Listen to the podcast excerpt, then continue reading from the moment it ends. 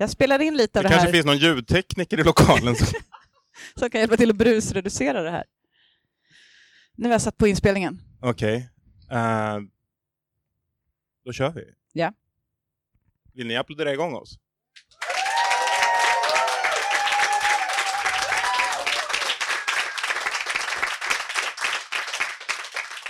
Välkomna till det sjuttonde avsnittet av Weirwood-podden. Det är också säsongsavslutning och serieavslutning för Game of Thrones.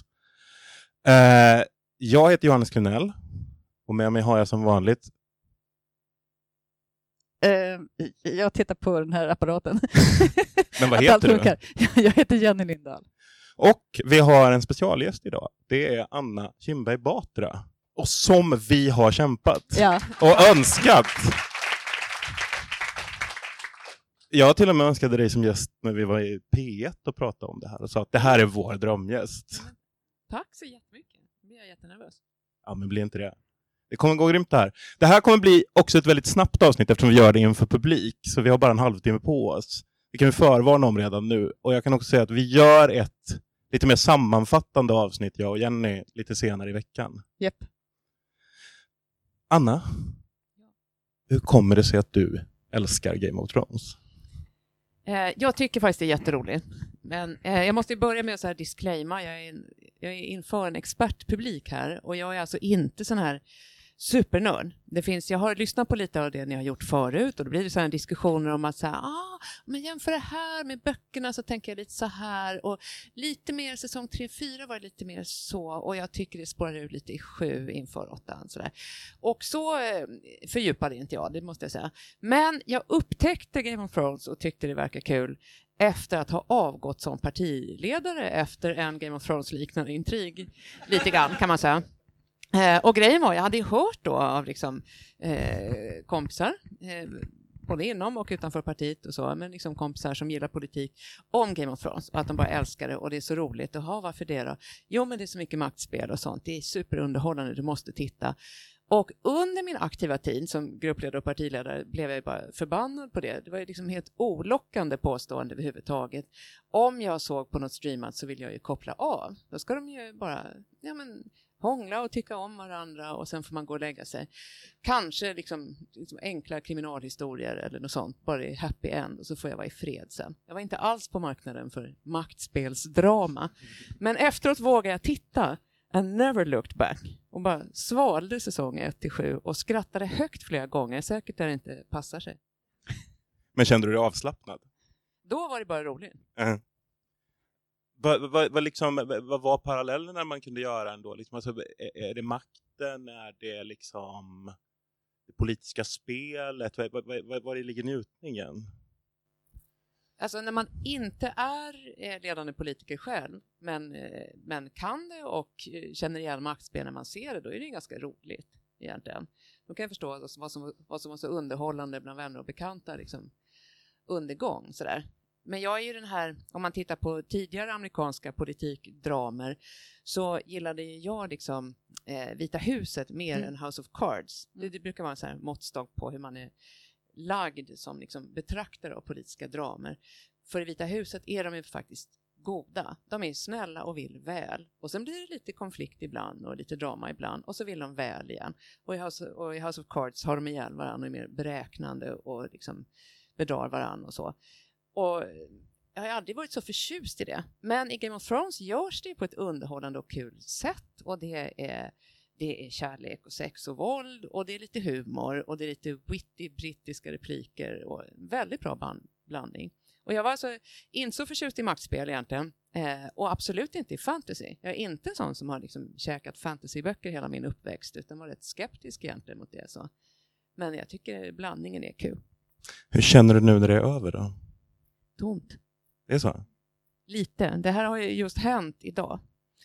Eh, I familjen ska jag då säga att eh, min man, eh, som jag använder tv och humor och repliker och sånt där som vapen eh, i sitt liv, han, eh, han skrev en föreställning om sitt liv som partiledarmake och den hade då final i helgen som gick och är nu nerlagd. Och nu lägger Game of Thrones också ner. Så det kommer bli väldigt tomt och lite konstigt i vår familj tror jag. Mm. Hur mår du Jenny? Jag, jag mår bra. Jag sitter med två timmars material här säkert och bara funderar på vad, vad är viktigast? Um, jag känner att om vi nu ska dra det inför publik här. Att Robert viktigast? Arryn är tillbaka, ja, han var hunkig. Exakt, att Rob, Ro, Robin Arryn är tillbaks. Jag tycker vi går direkt på det här. Jävlar vad kraft det måste varit i den modersmjölken alltså. Alltså det här mötet. Eh, det var två gånger som jag varit ordentligt överraskad under det här avsnittet, när jag såg det i morse då. Eh, nu var ju, ja, visste jag ju. Men det ena gången var alltså när den där snöhögen reste sig och visade sig vara Drogon. Oh. det var ju jätteöverraskande. Eh, stor chock. Och så vackert. Ja, så oerhört vackert. Och helt onödig scen som de bara lagt in för att den är kul och bra. eh, så det var ju kul. Och den andra stora chocken, det var ju det här mötet, där det har gått några veckor då, men de har ändå hunnit fixa hela Kings Landing och eh, man, har samlat de här stora adelshusen och man kommer in och man bara, det första man ser, är inte det där Robin Arryn? Alltså den här sjukliga pojken som ammade sin mamma när han var sju, som nu har blivit vuxen Så och snygg. indie-kille. Ja, visst. Nej men det var ju jättekul. Um, men jag, tänk, jag, jag, tänkte att vi kunde prata lite om det här mötet, om vi ska fokusera på någonting. För mm. att det är, så mycket, det är så mycket med det här mötet. Till att börja med, vilka är det som egentligen får rösta på det här mötet? tycker jag är jätteoklart. Vem, vem, frågar om mötet är liksom behörigen utlyst? Exakt. Och, och liksom, varför justerar man inte röstlängden? Alltså, varför får Brons John Royce rösta? Alltså, han har inte ett av de stora husen, utan det är liksom ett underhus till, till vad heter det, Arryn. Så jag, jag förstår ingenting. Och sen har de dragit in de här två vilt främmande snubbarna som man inte har sett någon gång tidigare. Ja, det är tre stycken. En som ser ut som nattens väktare, en som har på sig någon slags ganska biffig sån här vadmalströja. Och sen så den nya prinsen i Dorn som vi inte vet vem det är överhuvudtaget. Helt otroligt. Ny favoritkaraktär. Mm. Men om jag ska göra en, en spaning så här typ, var är vi nu efter, eh, efter åtta säsonger? Och så har jag liksom gått igenom då lite grann de här olika husen och slotten och vad är status alltså vad är status nu? Då kan man säga att väldigt, väldigt lite har egentligen hänt i hela den här serien. Om, om vi nu går igenom de stora husen och deras slott, vem som har dem idag, alltså vilka som äger de här olika rikena. Vi har Stark, fortfarande Winterfell. De har fortfarande, eller igen, inte fortfarande. Det har ju hänt en del däremellan. Vi har Arryn, fortfarande härskar över The Eyrie och eh, The Vale. Eh, Baratheon tillbaka på Storms End. Tully, fortfarande på Riverrun, eller igen då. Ett tag hade ju Lannisters det. Eh, Greyjoy har Pike. Eh, Lannister har Casterly Rock. Eh, möjligen så är den nya prinsen av Dawn också en Martell. Det är svårt att säga. Men i så fall är det de som också har Sunspear. Ja, och sen så har Highgarden då gått över från Tyrells till Bronn of the Blackwater. Av någon jävla anledning. Det är typ den stora maktförskjutningen här. Och Jon Snow går fortfarande omkring och ser bekymrad ut. Exakt som i säsong ett, på samma ställe. Så att vi har liksom, okej, okay, Starks har tagit ett steg fram kan man säga, för de har nu ett eget kungarike plus järntronen, fast rullstolen. eh, och eh, eh, vad heter det, Lannisters, eh, nej vad säger jag, vad heter de, Baratheon har ju tagit två steg bak. De hade ju både Storms End, Dragonstone och eh, Kings Landing. Och nu har de bara Storms End. Men det är väl typ det som har hänt egentligen? Ja. Alltså, vi har ju ingen aning om vem som har tagit över Dragonstone vid det här laget. En, en gissning är väl Cerdavos, för det är väl den som står närmast till hands där. Men det är ju också helt omöjligt att avgöra eftersom de verkar kasta titlar på lite vem fan som helst just nu. Men, men jag har en grej kring det där mötet som, som jag tänkte väldigt mycket på och det är när de låter Tyrion avgöra vem som ska bli kung. alltså, jag, jag kan ta att, att, att de lyssnar på Tyrion fortfarande. Men vad har Tyrion för anledningar? Jo, det här är bra storytelling. Det här är bra politisk kommunikation. Alltså det, det är liksom... Och så börjar han dra Brands historia för alla. Han trillade ner från ett torn när han var liten pojke. Inte särskilt bra början på den här storyn. Sen blev han den treögda korpen. Alltså hur fan förmedlar du ens den kommunikationen till vanligt hederligt folk? Det här, alltså det sitter folk där som har betydligt bättre stories. Ta Sansas story, den är grym. Det är, liksom, det är en fantastisk historia som de flesta av oss kan gråta en skvätt till och relatera till. Men Brand, det är bara helt orimligt. Alltså, och, och sen, han, han har ju knappt varit i Västerås i hela sitt liv. Han har ju varit uppe i Norden hela tiden. Ingenting i hans story är kopplat till det som är där nere. Och sen kommer den här sista punkten i det här. Det är att alla säger ja till att Brand ska bli förste. Sansa väntar till sist. Ja, Då är är smart. han typ redan kung. Då Hon säger de, det. nej vi kopplar här och frikopplar och liksom, ja jag vill styra Norden alldeles själv. Han tittar på henne, nickar och ler. Då har han inga claim kvar på den där jävla tronen överhuvudtaget, för han är ju inte ens landsman. Då börjar det liksom se ut som när svenska kungahuset skulle tillsätta en ny kung. Har ett fylleslag, någon jävel rider ner till Frankrike och frågar Jean Baptiste Bernadotte om inte han kan bli kung, helt utan koppling till någon i Sverige överhuvudtaget. Kommer tillbaka och säger, jag har fixat en kung nu. Han kommer snart, han kommer styra från sängen resten av sitt liv och hatar Sverige. Det är exakt samma story. Men är det inte lite mer likt liksom, regeringsbildningen då? Sista, och så, eller valet av Stefan Löfven som partiledare för några år sedan? Att de här, så här kvinnan som vill mycket är lite för farlig Mm. och de här mannen som bara står och pratar om sig själv, nej, vi orkar inte med honom. Vi har alla träffat honom på olika partimöten nästan oavsett. Du tänker på Edmure Tully när han ska upp och kandidera där? Mm. Håkan Juholt. Och sen nej men så kan vi enas runt den här, liksom, den här mannen som inte är farlig, tror vi. Fast vi tror ändå han kan samla alla. Så då tar vi honom. Och sen så får ju då ändå Sansa mycket makt i det här och sin stake i det. Lite som Annie Lööf kanske. Mm. Mm. Ja, Jag tänker också att Tyrion, när han har suttit och tänkt några veckor, då har ju han tänkt ut att det här är ju en kung som kommer ge mig ganska mycket spelrum. Eftersom när de sen har det här mötet i The Small Council så drar ju Bran ganska omgående för han ska kolla vad Drogon är. det är liksom, han har ju inte fokus på styret av riket. Nej, men där är det också nästan återställt till noll, fast istället för att vara inne på hor och turnerspel så är han inne på drakar och olika rullstolsdesigner från 130 år tillbaka i tiden. Det är det enda han har lett passionerat över överhuvudtaget. Och det är också där Tyrion får uppleva den ultimata, den liksom egocentriske mannens ultimata kränkning, att inte vara omnämnd i berättelsen. Det är det enda jag kan dra politisk parallell till där är väl typ Per Nuder i sin självbiografi när han är så himla besviken över att Göran Persson inte har med honom i sin. Den känslan. Han har ju ordnat så fint också för det. Det är liksom som att de har städat upp hela Kings Landing. Och sen är det bara pricken över i när Tyrion rätar upp de här stolarna. Och sen kommer de bara och sabbar alltihopa. Men det känns inte som att, alltså det känns som ett känslomässigt otillfredsställande slut att det här small councilet ska styra och att allting faktiskt är så mycket tillbaka på status quo. Det känns som att berättelsen var rätt mycket i onödan på något vis. Eller? Ja, och det blir ändå någon form av liksom politiskt möte där och så sitter de där med sina intressekonflikter och egna agendor och pratar om det och börjar tröttna på varandra och så. Det blir liksom, ja, någon slags politisk vardag får man väl ändå kalla det där. Eller? Ja, är det så ni satt? Ja, jag tänker på regeringen där också då. Alltså Mm. det här med försvars och finansministern sitter där och bjäbbar om att så här, ja, vägar och skepp behövs ju och ja, men säkerhet är också viktigt och så där. Det, Och sen det är ju det bordellerna får du också fråga regeringen. De lägger hela kulturbudgeten på det. Ehm, ja, nej men eh, vad var de känslomässiga höjdpunkterna då i avsnittet? För det här var ju kanske liksom inte så här typ att man kände jättestarkt att vad härligt det här var. Alltså, det vi skulle kunna kalla hångelmordet är ändå stort. Ja, det är förstås. stort.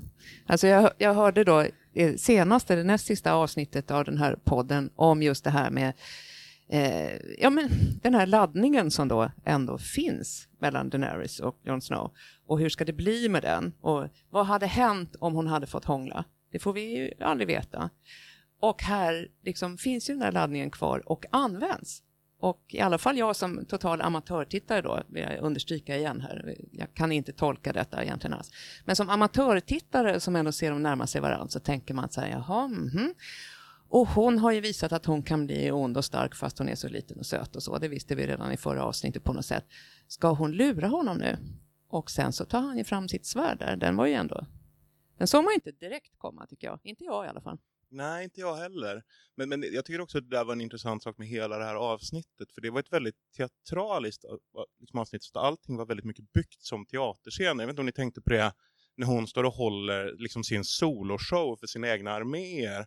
Det påminner väldigt mycket om en sån här introducerande scen i någon sorts medeltids alltså, drama eller så här när vad ska man säga, den store patriarken kommer ut och liksom så här pekar ut de olika karaktärerna. Så inför sin armé, där alla uppenbarligen känner Graveworm, Worm, ska hon ändå berätta vem Graveworm Worm är och hur duktig han har varit i kriget och att nu har han fått den här titeln. Sen kommer Tyrion in och liksom så här pajar settingen då genom att kasta bort sin hand. Sen så kommer den här scenen då när de har det här politiska mötet och då blir det helt plötsligt så här Shakespeare-artad fars av allt istället. Att alla spelar över är väldigt fjantiga och liksom drattar på ändan. Eh, lite snyggt, alltså jag tänkte precis på det, det här är faktiskt ett av mina favoritavsnitt. Jag tyckte det här var jättebra, just därför, för att det var så överspelat och teatralt hela vägen. Det var liksom, ingen scen var direkt nedtonad. Men varje scen ska ju bli den slutgiltiga uppgörelsen med stora begynnelsebokstäver i varje ord på något sätt. Mm. Och det vet hela världen när man slår på det här. Är man besviken på det så är man väldigt barnslig. Fast det var också väldigt roligt att det är en sak som vi, vi liksom har pratat om i alla tider, som så här skämtslutet på Game of Thrones faktiskt händer.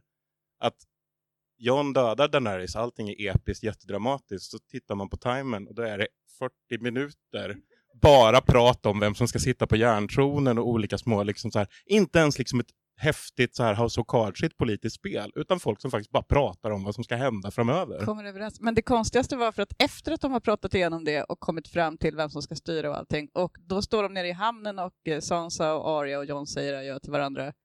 Och då tittar jag på klockan och bara, nu är det 20 minuter kvar. Vad. Vad konstigt liksom, vad ska hända? Tänk manusförfattarna, de, alltså, de kunde väl inte sluta? Man håller på med det här. Det Nej. här var väl det som var efter böckerna då, om jag har förstått eh, superspecialisterna rätt här. Jo, precis. Alltså, de har ju bara Så fått lite bullet points. Och... manusförfattarna och då vill man ju inte sluta. Nej, nej. Men eh, jag tänkte på den sista scenen. De har gjort väldigt mycket återkopplingar i hela den här säsongen till säsong ett. Och den sista scenen den är nästan identisk eh, scenografiskt med första scenen i säsong ett och sådär. Så de har jobbat mycket på det.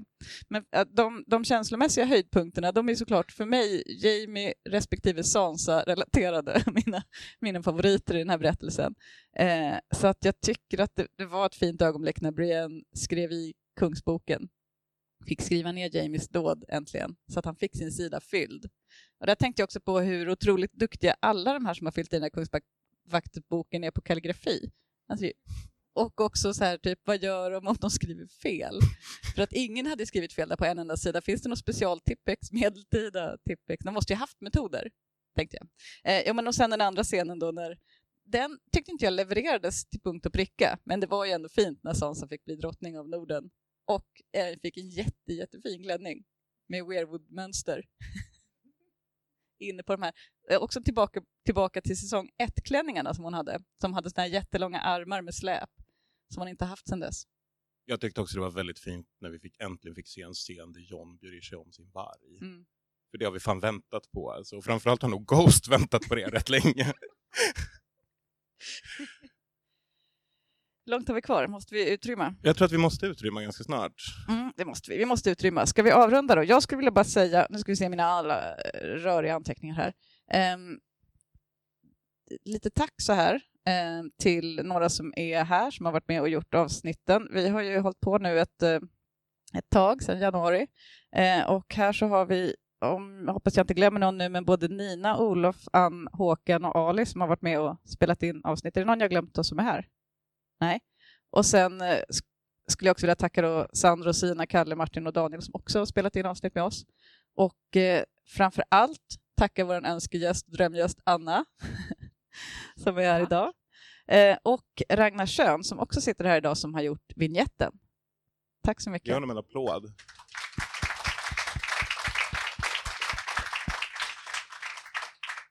Jag vill också tacka mina bröder som har bokat den här lokalen ikväll. som min 40-årspresent faktiskt. Ja. Det blev en väldigt Grattis. fin present. Ehm, men hur känner du nu då Jenny? Det, det är faktiskt det är ju dig det här handlar om i slutändan. Känns det tomt för dig liksom? Ja. Eh, nej, men nu kommer ju du? böckerna sen. Alltså, vi väntar ju på att George R. R. Martin ska skriva böckerna. Så att jag tänker att då kommer vi få den här historien fast bättre. Så jag känner mig rätt Men hur klarar du dig tills dess? Jag vet inte. Jag, jag ser framför mig att jag kanske mitt liv kommer lätta något. Att, att liksom, eh, förhoppningen är att jag ska tillbringa otroligt mycket färre timmar i veckan med att eh, obsessa över Game of Thrones. Man kan ju hoppas, men jag, jag lovar inget. Jag tänker lite på den där insamlingen som har gjorts nu för att man ska spela in hela säsong 8 på nytt. Och att det finns någonting oerhört gulligt i några som är väldigt besvikna på den här säsongen och tycker att den ska göras rätt. Men det finns inget rätt eftersom George R. R. Martin inte har skrivit klart det. Så det finns verkligheten eller folks fantasi. Mm. Och det är egentligen det som den där kampen står emellan. Och, och det har ju varit nästan det jobbigaste genom både säsong 7 och 8, att, att man tycker att det är så dåligt. Alltså jag blev så glad över att jag ändå tyckte att det här var så pass bra som det var, att jag var så pass berörd och kände att det var häftigt.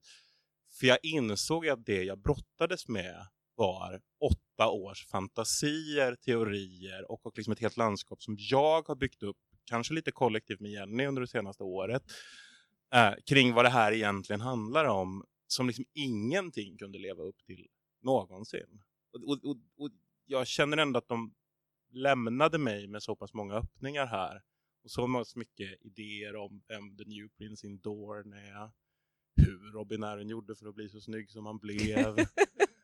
eh, han måste ha tränat en hel del. Alltså. Eller så var det något med det där när han slutade amma i tio års ålder. Någonting har hänt. Det var härligt. Och vem de här två killarna var som satt där i rådet som Ja. aldrig har introducerats tidigare. Jag vill ändå veta det. Så det kan jag liksom sitta och tänka på i ja, de här åtta åren det kommer ta innan George R. R. Martin har skrivit nästa bok. Och då är vi ändå inte klara med skiten för det ska komma en bok till efter det. Men Hur tomt det än är, så är det ändå inte lika tomt som för de som nu har döpt sina barn till Khaleesi. Flera tusen som har gjort det. va? Ja. och med de orden tror jag vi avslutar det här Glöm avsnittet. inte att makt korrumperar. Stort tack till dig Anna Kinberg Batra för att du kom hit. Tack. Tack.